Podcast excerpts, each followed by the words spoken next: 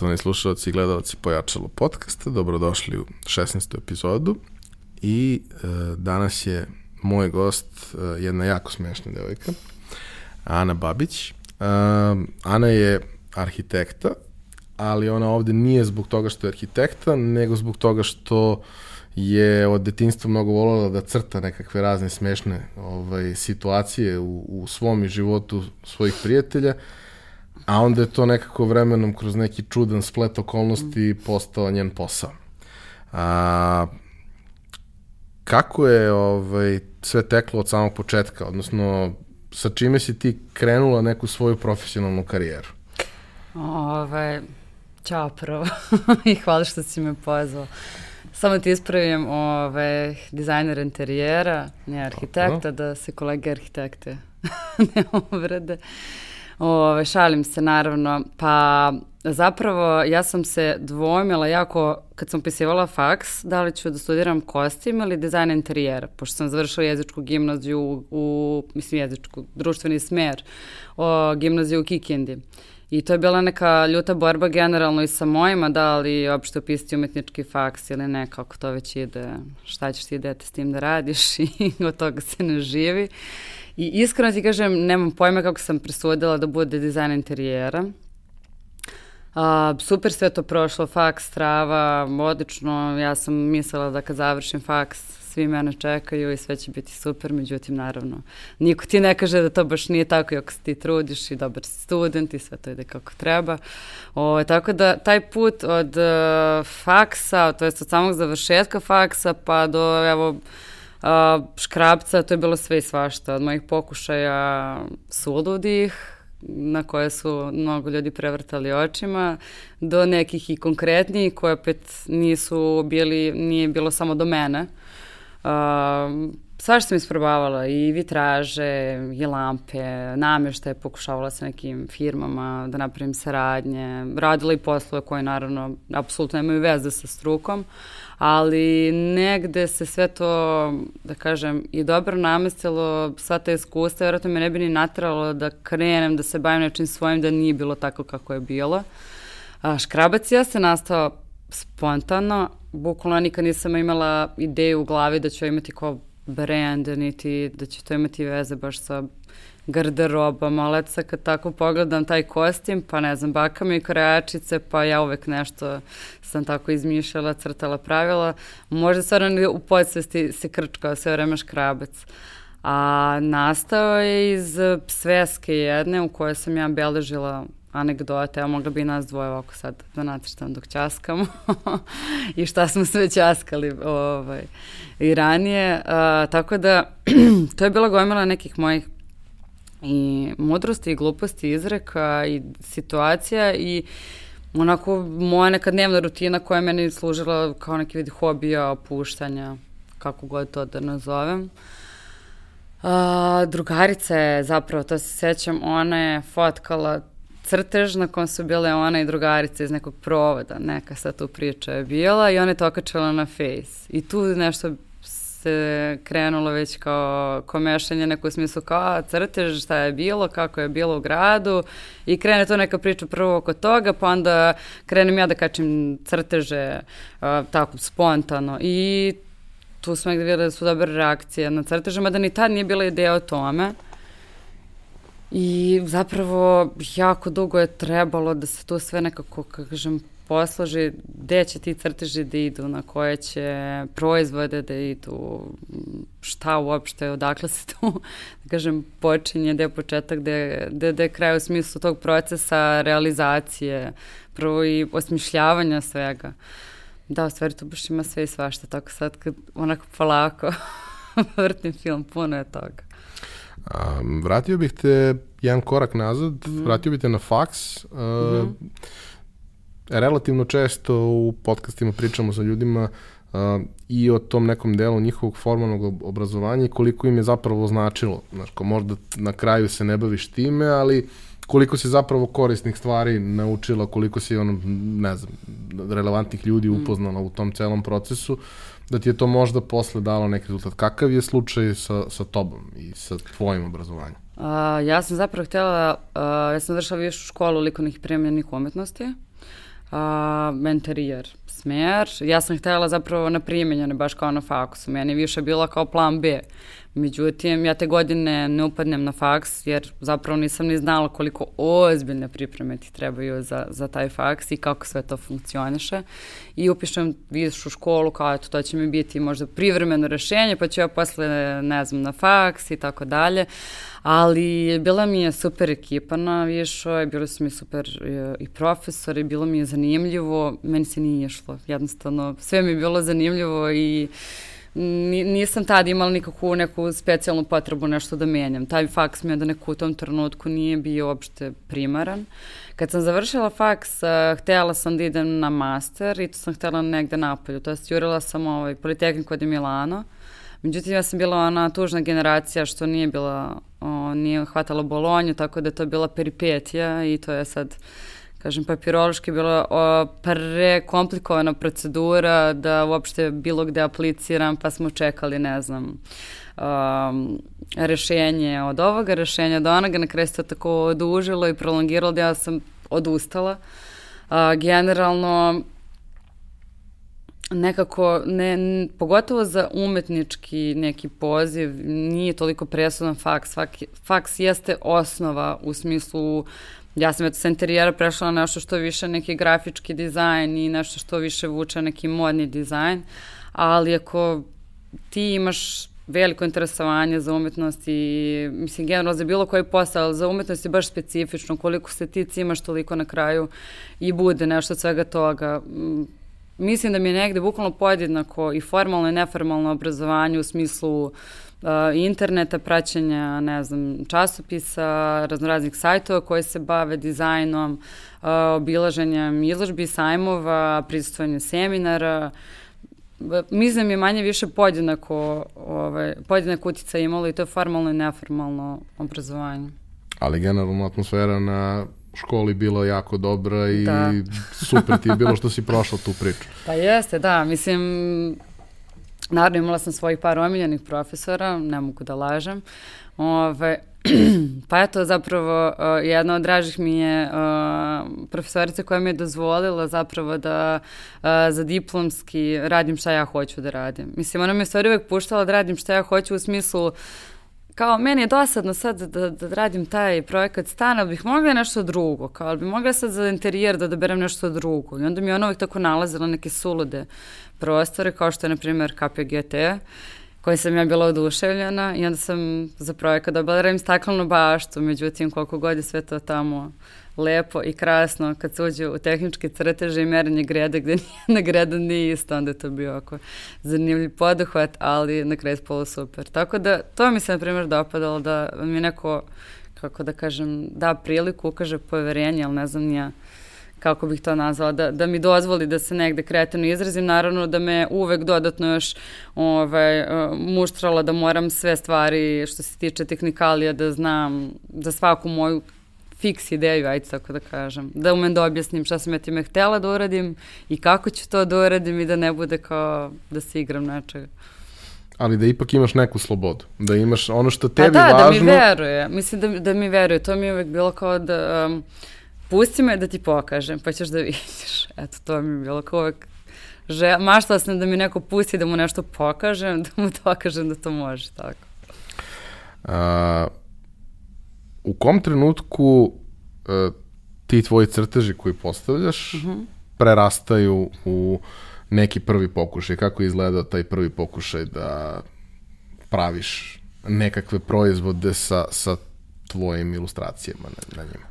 Uh, pa, kažem, bilo je dosta mozganja oko toga šta uopšte raditi sa tim. A, sa mojim tadašnjim dečkom Ivanom, današnjim poslanim partnerom. Ove, sam zapravo i došla na tu ideju, jer a, negde smo razmišljali šta bi bilo nešto što je opet a, pristupačno svima i nešto što bi moglo da bude dopaljivo, opet da je, da kažem, uklopivo finansijski u taj i naš početni budžet i nešto što će prosto biti isplativo za tržište na kom smo mi, jel te, da, da nemaš samo nekim ovaj, avionima, kamionima, ne znam nikako ovaj, bolje da, da, da to nazovem. Uglavnom, bio tu spisak stvari, šta je realno, šta nije realno. Naravno, majice, to je bilo nekako najlogičniji izbor. Šta smo prvo imali? Smo majice, imali smo beđeve, imali smo jastuke imali smo kao neke futrolice za duvan koje se kasnije ispostavilo da taj materijal nije najsjajniji, ali bože moj, tak smo učili.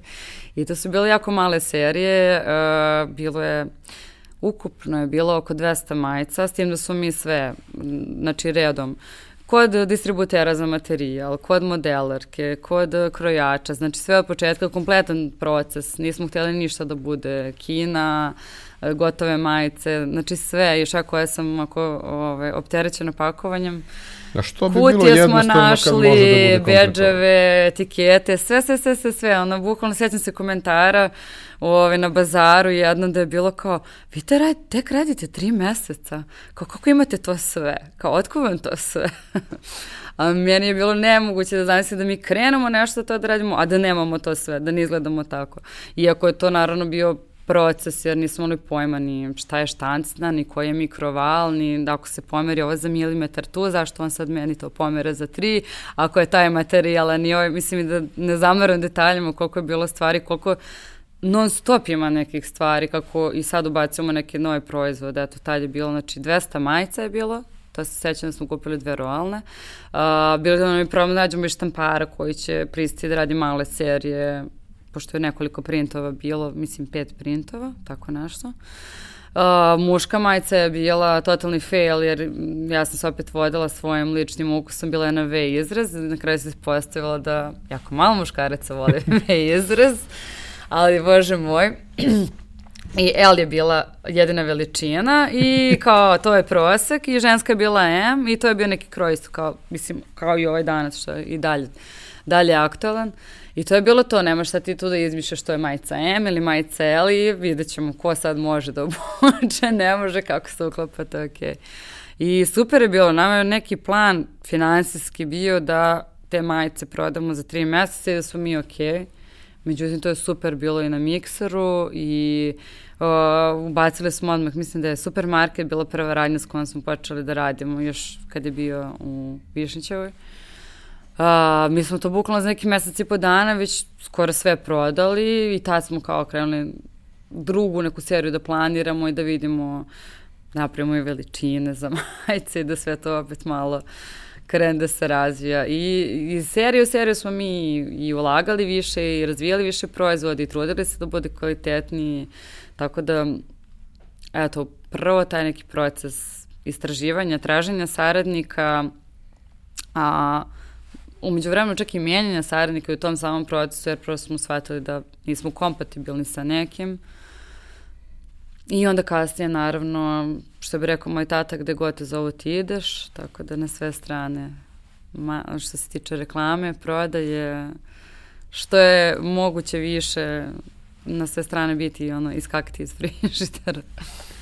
A zašto si se odlučila da sebi iskomplikuješ život i baviš se baš svakim detaljem u celoj toj uh, na celom, celom procesu, na samom početku, uh, umesto da barem neki od tih stvari koristiš ono što je već dostupno na tržištu i što je negde, da kažemo, standard ovaj, za, za proizvode tog tipa. Pa kutiju, evo možda sam jednu stvar iskoristila. Iskoristila sam kutiju, pošto tada nam je bilo, na primjer, investicija štancom da plaćamo. To nam je bila investicija, pa sam onda odabrala kao već neku postojeću koju su oni imali, jer je onda to mogla se uklopi u tu neku cenu, iako to je bila kutija, kao ne velike kutije za košulje, ali ja sam mislila to majica kad se razvuče, pa kad stane, to će biti stvari bila poluprazna kutija, ali nema veze, mi smo imali kutiju. Ne znam, žela sam da u početku do kraja bude sve moj dizajn i da pre svega možemo da utičemo na svaki segment i kvaliteta materijala i šivenja i svega na šta možemo da, da, da, da da izgleda stvarno kvalitetno i da bude dobro, da ne bude ono majica koja se posle jednog pranja pretvori majicu za spavanje. Mislim, generalno neka ideja je bila da to izgleda odmah kao da radimo već neko duže vreme, eto kao što što je bio onaj komentar na bazaru. A da komplikujem život volim. Mislim, ja sam jednom trenutku uvela, znači imali smo prvo kao uvek ide poklon beč, prvo je bio sa logom. E onda sam jednom trenutku uvela da svaki print ima svoj pojedinačni beč. Znači, ne može sad, ova majica ne znam gde udaram da ima ne znam koji bež, nego baš taj koji ide uz nju. E tu sam ako sebi baš zagočala život. Jer naravno nekad se desi da zafali. Ima ljudi koji primećuju te detalje, jednom sam čak imala i žalbu zašto, ovaj, pošto smo morali, nismo, eto, zafalilo nam je dva beđa, nismo mogli čekamo iz proizvodnje dva beđa, da bi stopirali, jel te sve, ovaj, stavili smo sa logom samo beđić kao poklon i imali smo žalbu na to, tako da ljudi ipak obrćaju pažnju, ako to tako deluje da ne obrćaju, ali možda nije svima pojednako bitno, ali čega odno da bude. Sa mnogim ljudima s kojima sam pričao koji imaju biznis u kome je bitna komponenta uh -huh. i sama proizvodnja, ne samo dizajn i primjena tog dizajna, uh, manje više svi se žale da imaju jako veliki problem sa sirovinama u smislu uh, konstantnog kvaliteta, da je to uvek, recimo konkretno, braći mm. Burazeri uvek imaju problem mm -hmm. da čak i ako isti kvalitet boja nije ista, piše da je ista, ali nije ista. Dešavala se. Oni su ljudi, dizajneri i njima ta nijansa predstavlja problem. Uh, kako si ti se borila sa tim, jer krećeš od nečega što su male količine, ali nekim relativno brzim tempom dolaziš do toga da su to već neke malo veće količine, a da postoji neko očekivanje već i da prosto različite materijale se ponašaju različito, nose sa sobom niz nekih problema, ti nisi iz te priče. Pa nisam, da. Ja zapravo sve što sam, sve sam učila usput. Počeo od, ja sam na faksu radila AutoCAD i 3D Max, onda sam upala Illustrator i Photoshop, kao, mislim, znala neke osnove, mislim, ali hoću da kažem, sve sam usput nekako informacije kupila. Što se tiče materijala, dešava se, dešavalo nam se da smo promenili jednom saradnike, a, dobavljače. Ovaj, I isti je materijal, ista je šifra, u isto vreme smo dobili tih 10 rolni i samo me zovu iz proizvodnje, pa ovo nije ista nijans.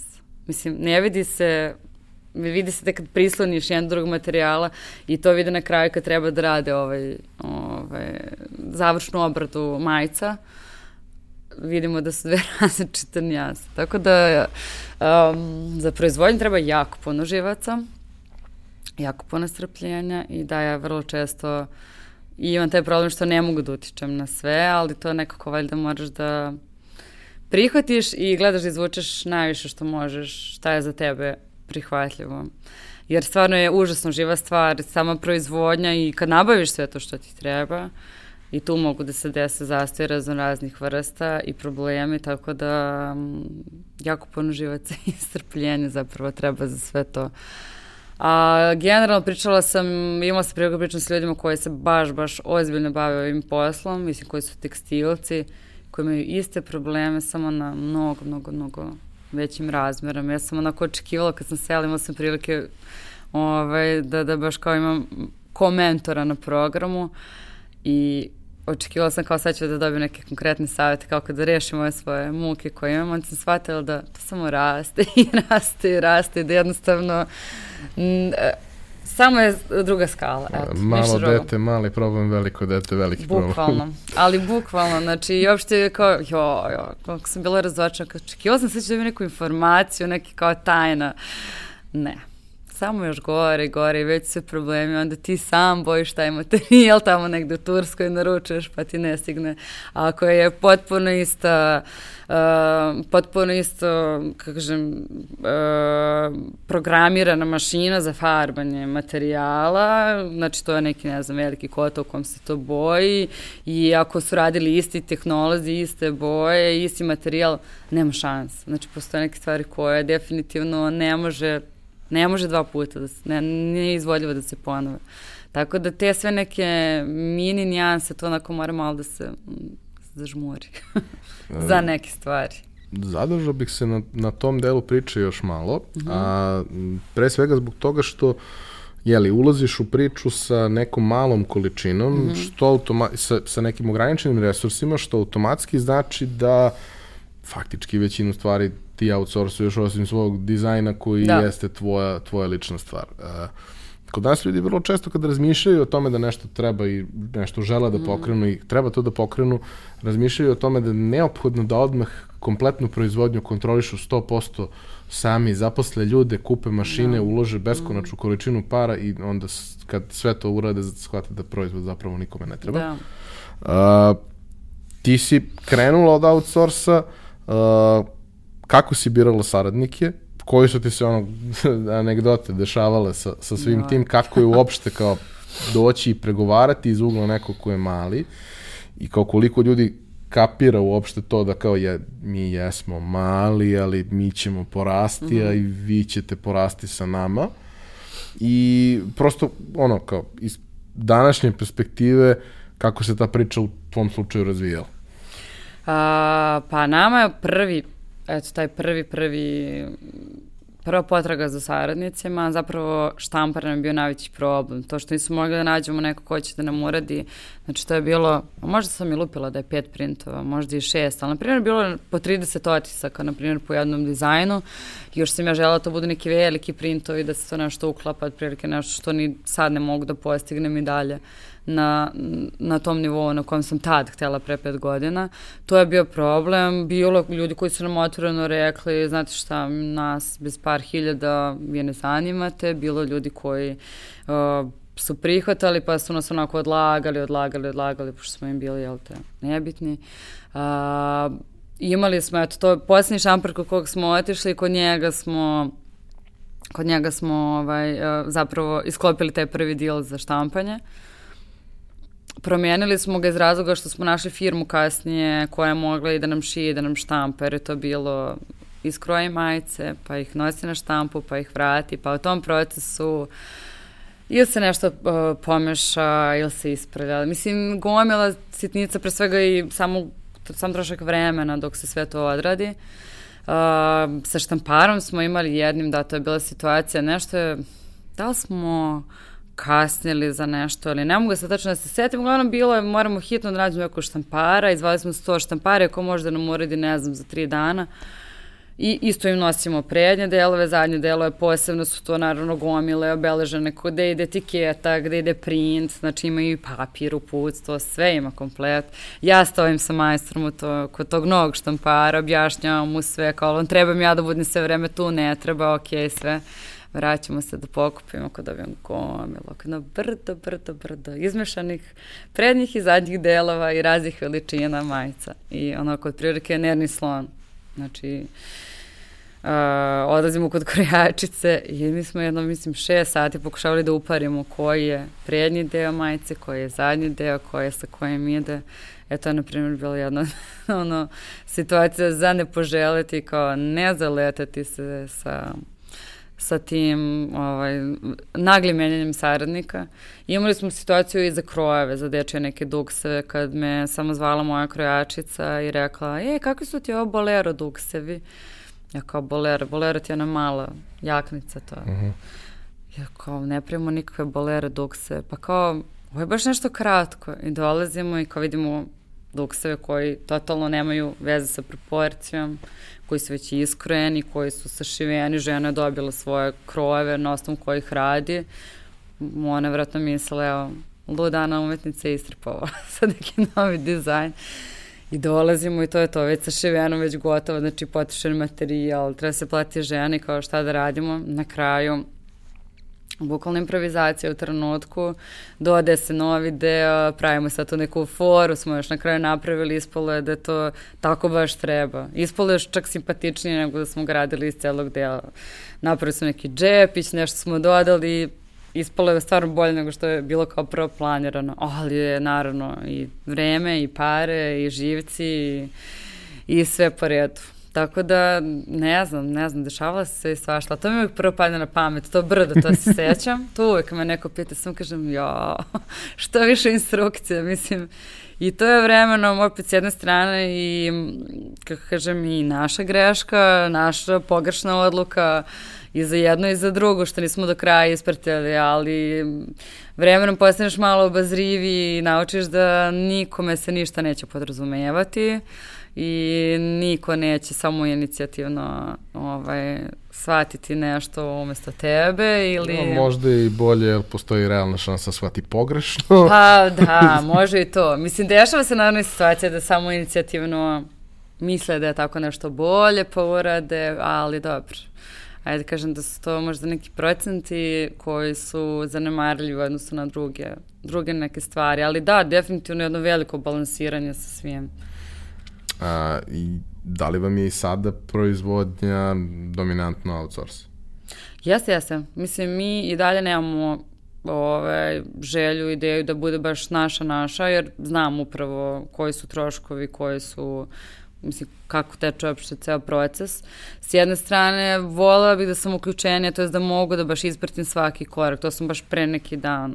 Smo baš pričali o tome koliko me nekada nervira što ne mogu da budem uključena pa da ispratim svaki taj detalj, da znam sad tačno, stopostotno da je sve to urađeno tačno tako kako, kako je trebalo i kako smo mi zamislili od A do Š i generalno da mogu da pratim i vremenski da planiram u odnosu na to kad su nam kolekcije i da jednostavno sve bude našim rukama, ali veliki trošak, bar još uvek za sad, mislim, radimo mi sa većim količinama, ali dalje to na nivou da nam je isplativije da outsourcujemo, da radi neko za nas. Pritom, um, naši ovi saradnici s kojima sad radimo već tri godine, mislim da će biti, uh, oni imaju posebno naštalovane dve mašine na kojima rade samo za nas. Uh, kad se menja materijal, menja se i konac, menja se. Mislim, cela procedura je, posebno su im obučene ako imaju ne znam koliko radnica, samo koje rade za nas, koje su obučili da šiju za nas, jer oni radi reklani materijal, pa mi je sve jedno kako će da bude šav ovde ili neće, pa su morali njima da objašnjavaju da to ne može baš da bude tako. Tako da su bukvalno napravili mini proizvodnju samo za nas unutar njihove proizvodnje. Um, preskupo bi bilo. Mislim, nije splativo, a opet da ulažemo u, u mašine i plate i vreme ljude nije nešto što nas trenutno zanima u smislu da sad nadoknađujemo te o, troškove ulaganja tim što ćemo mi da šijemo usluža za nekoga, to nije nešto što nam je primarno. Tako da čekamo još da porastemo da bi krenuli uopšte da se bavimo time. Dotakli smo se na početku uh, priče toga kako je krenulo sa 200 majice i, i nekim mm. sitnim stvarima. Kako je raslo? I šta si ti radila u tom periodu od nekih aktivnosti, promocije, jer opet kao nisi iz tog sveta. Da. Ali rezultat postoji. Kako neko ko prosto ono, takođe mm. nije iz toga, treba da krene da razmišlja. Ne, sad kao neka univerzalna formula, to mi je uvek tako nekako teško i kada sam na radionicama, predavanjima, kao da dam neku tačnu, nekako iz dana u dan smo išli. Mi zapravo nismo nimali biznis plan u smislu kao na papiru da sve stoji napisano da doš kako će šta da se dešava. Usput ja, smo rešavali... Ja, sećam, vi niste imali ni Excel, ali dobro sad. Nismo imali ni Excel, da, ali Excel je sad jako bitan član naše porodice i ja ga volim i koga nisam nikad volela.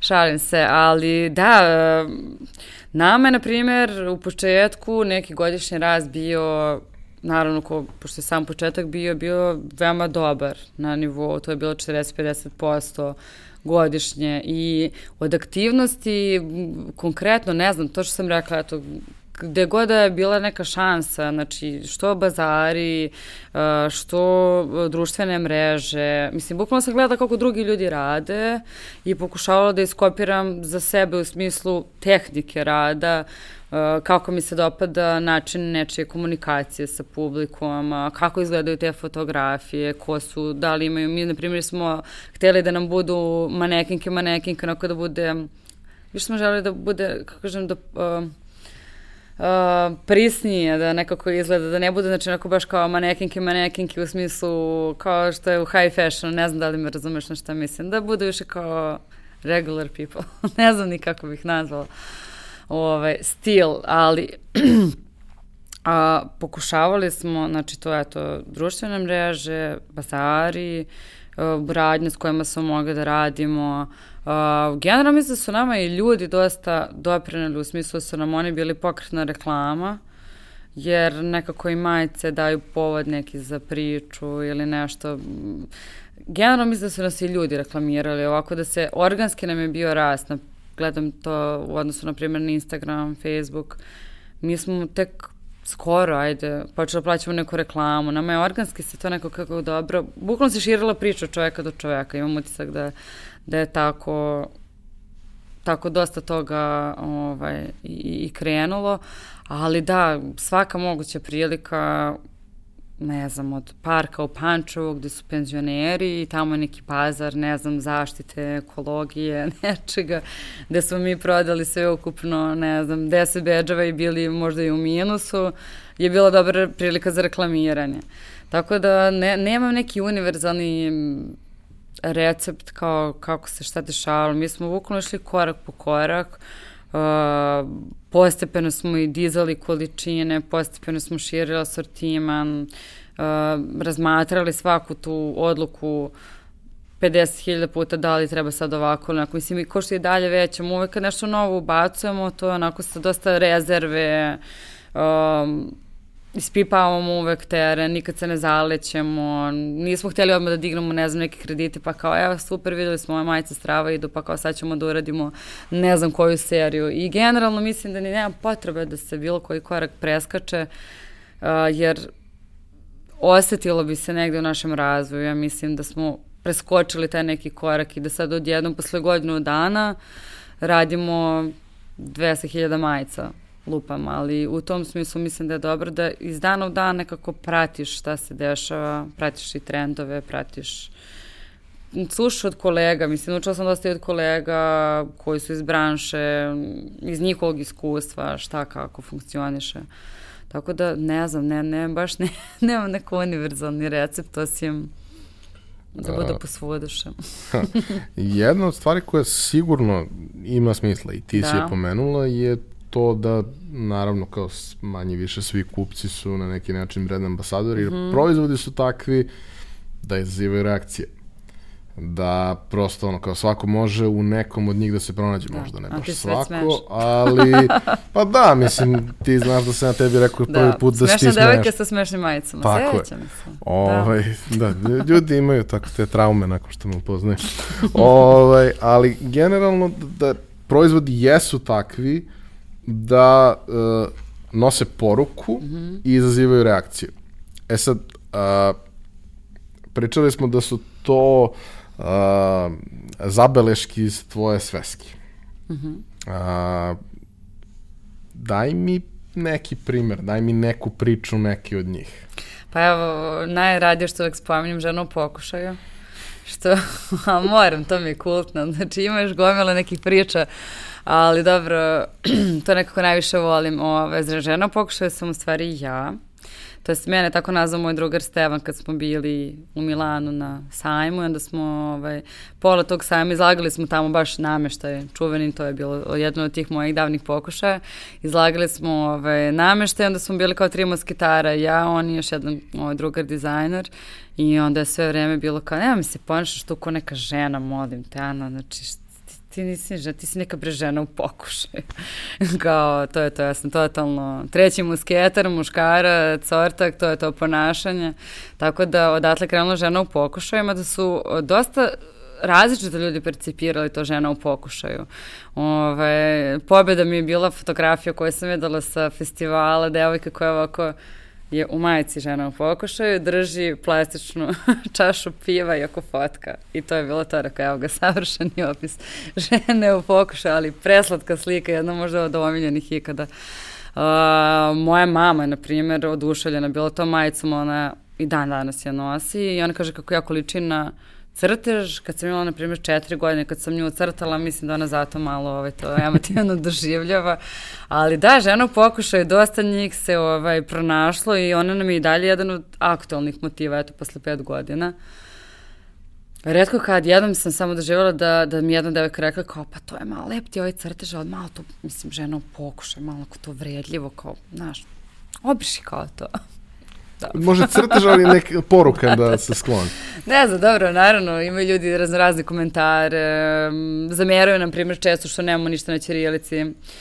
Uh, iako ja mislim da to nekako nema veze ako su naše narodne izreke da nužno mora bude na ćirilici, niti da nužno nećemo jednog dana raditi ćirilicu, ali prosto ne volim kad se nešto baš onako istišće, ovaj, kad se naglašava previše, tako da ovaj, A, šta je još od motiva ne, ono, najkarakterističnije, najprepoznatljivije, najtiražnije na neki način? Pa, najpopularnije dve majice su ubedljivo žena, majka, kraljica i dečko za primjer, iako to nerado ovaj, priznajem. Ovaj, dosta stvari, na primjer, koje se meni, kao meni lično dopadaju, uvek najgore prođu i onda sam naučila da treba da malo sluškam i potrebe publike i da pravim neki prosto kompromis između onoga što se meni sviđa i što se njima sviđa, jer, bože moj, opet radim za te ljude, ne mogu baš sve svoje fiks ideje da, da ovaj, izbacam napolje.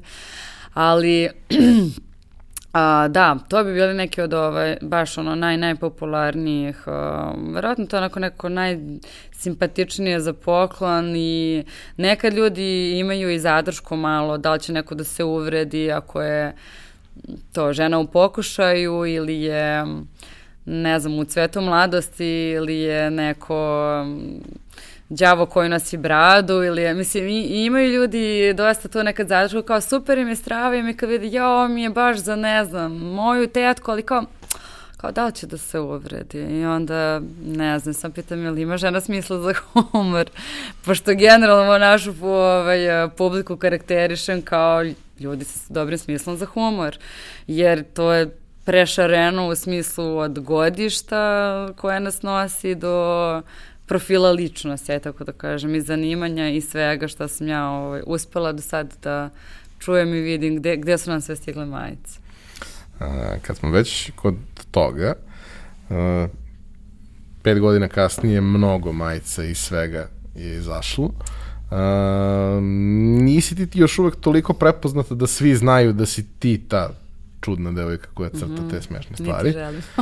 ovaj, a, tako da možda možeš ono negde iz prikreka da kao posmatraš i da nisi baš kao toliko u fokusu i da vidiš te neke ovaj, ljude koji to nose. Mm. Um, koje su ti ono kao najomiljenije situacije u kojima si videla svoje proizvode na nekom i da si se stvarno kao da obradovala što, što pa, je to u početku tako. sam imala taj trenutak, valjda, kada je tek sve krenulo i onda mi je bilo pre svega kao nestvarno da je to opšte kao samo moj posao i da ja to opšte radim. O, tako sam imala situaciju da sam bukvalno prepadala ljude u smislu mojim oduševljenjem i reakcijom.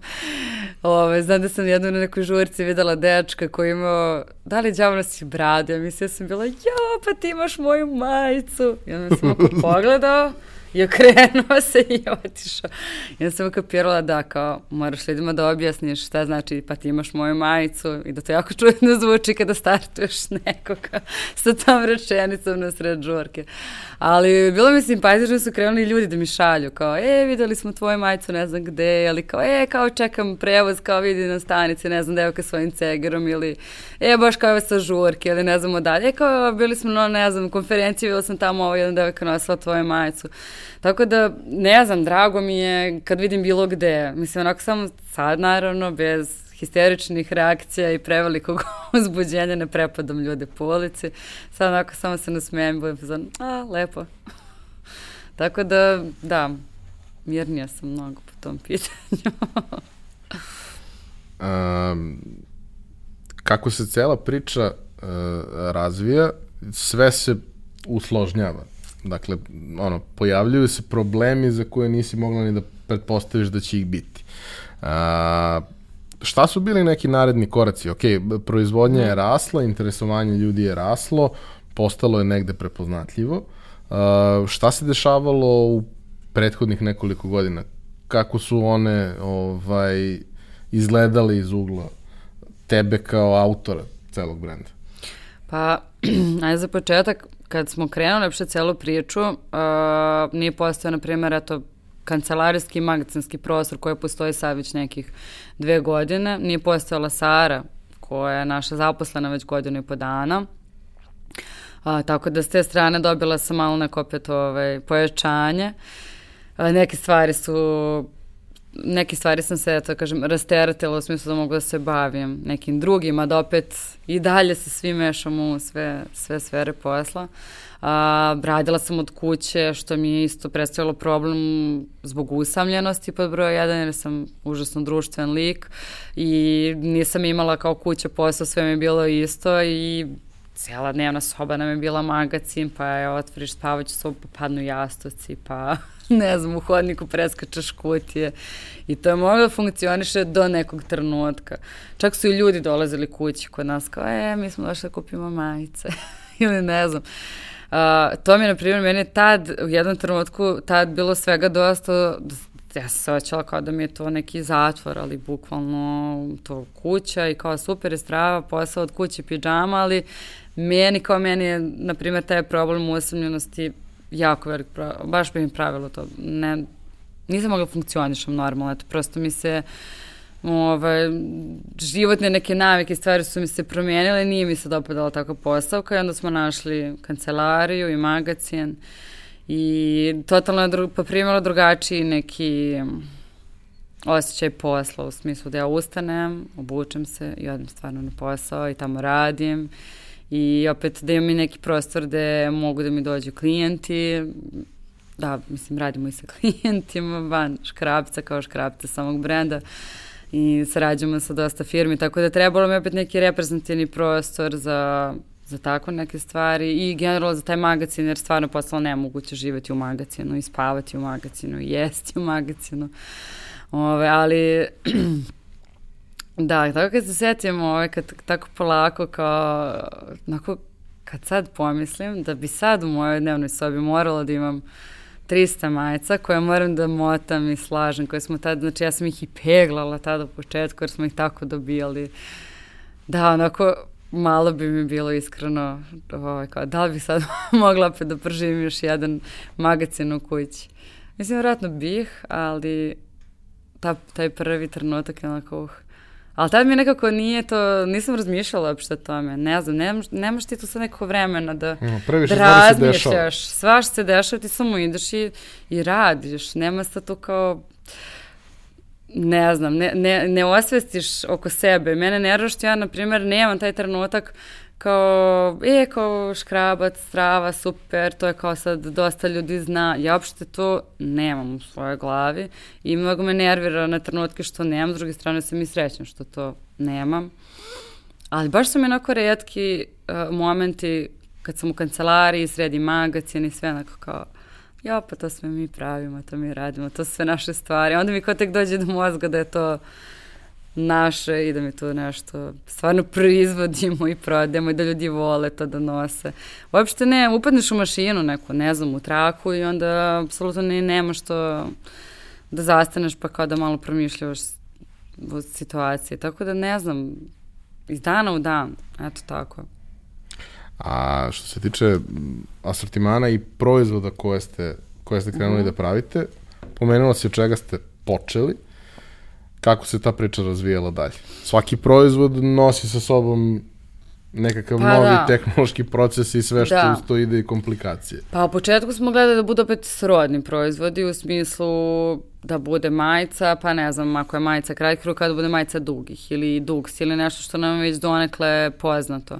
Evo sad trenutno uh, radimo na tome da napravimo prvu seriju novčanika koji će biti stvarno ozbiljan novčanik u smislu sa svim detaljima i onim što kako treba da izgleda kad ga kupiš bilo gde drugo radnji, a opet da uklopimo da bude u toj nekoj, ovaj, u toj nekoj ceni koju bi svako dao za novčanik. Tako da sve to bude proces, nekada se razvuče, eto sad nije do nas što, ne znam, štamparu kod kog treba da radimo se pokvarila mašina i to se sad čeka, ne znam, poseban neki serviser koji mora dođe odavde. Da, mi sve kažem, ako smo planirali da ih ne znam, imamo pre tri meseca, ne možemo da imamo jer ne utiče na nas i ceo taj proces i testiranja, znači kada dobijemo taj prvi uzorak, nekad je kraće, nekad je duže, zavisi od proizvoda do proizvoda, ali gledamo da nekako budu srodne stvari ili da bude nešto što je opet manjeg rizika, ta prva, pa onda iz nje da se razvijaju neke koje su slične njoj u tom smislu.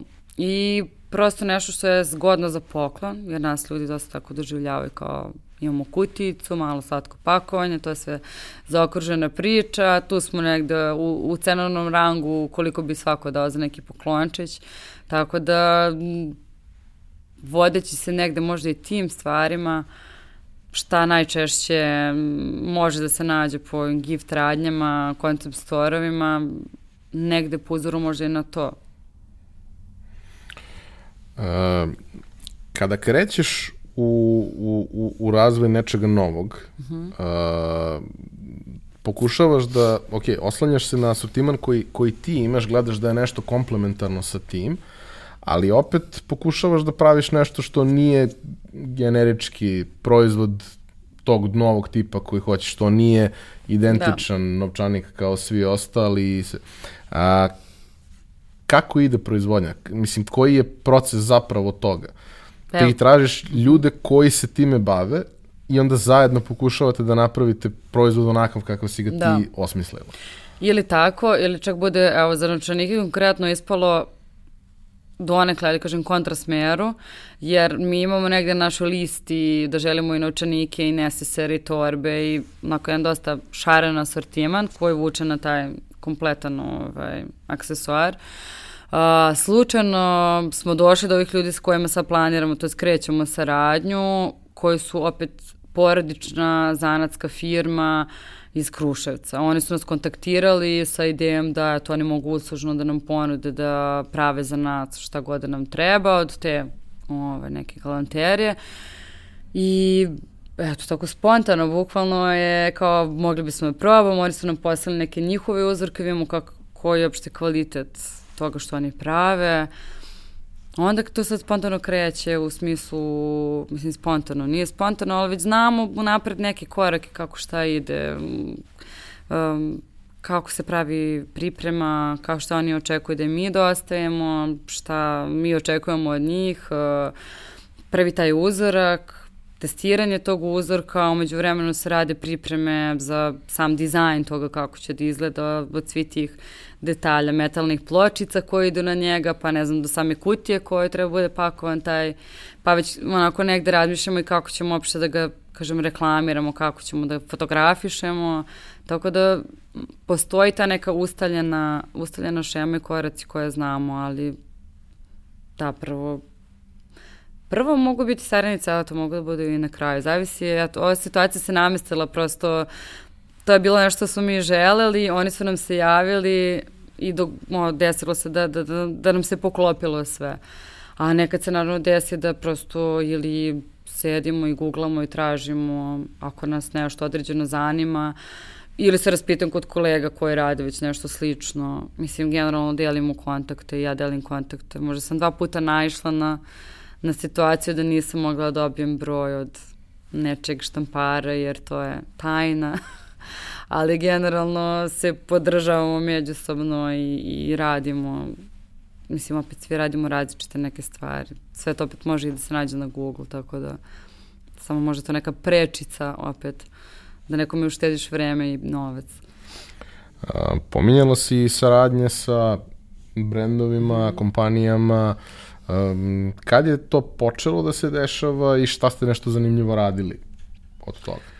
To je zapravo jako rano. To je prva saradnja bila sa Red Bullom za Red Bull Doodle Art projekat. Uh, mi smo možda tad radili svega pa ja ne znam, možda pola godine, možda grešim, ali jako brzo devojka koja je vodila taj projekat, isto negde videla majice, njoj se svidelo, trebalo im je baš, pravili su kao reviju crteža i trebali su je majice.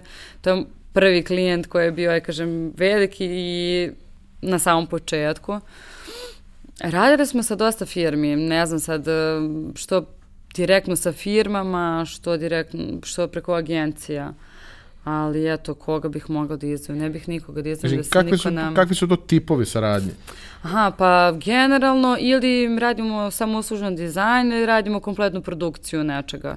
Znači nekom je potreban crtež koji će on kasnije o, koristiti na svojim već nekim marketing materijalima, a nekad bukvalno kreiramo od početka do kraja proizvod gotov. Primjer radi svesku, neku radili smo za Coca-Cola, za neke njihove direktore, bilo onako baš za ma, manji broj ove, ljudi I tu je kreirano po, znači njihovim, dobila, dobila sam crteže, baš crteže, fotografije svi tih direktora, pa i kao što oni vole da rade, pa smo onda uklapali te crteže da bude nešto simpatično, dopadljivo, opet malo i ozbiljno, pa smo uklapali stikere da izgledaju drugačije. Mislim, zavisi sve, nekad već uzmemo nešto naše tipsko, pa samo dizajn prilagodimo tome, nekad od početka do kraja, ali uglavnom manje više bude to da na naše neke gotove proizvode već se aplicira dizajn u dogovor sa njima.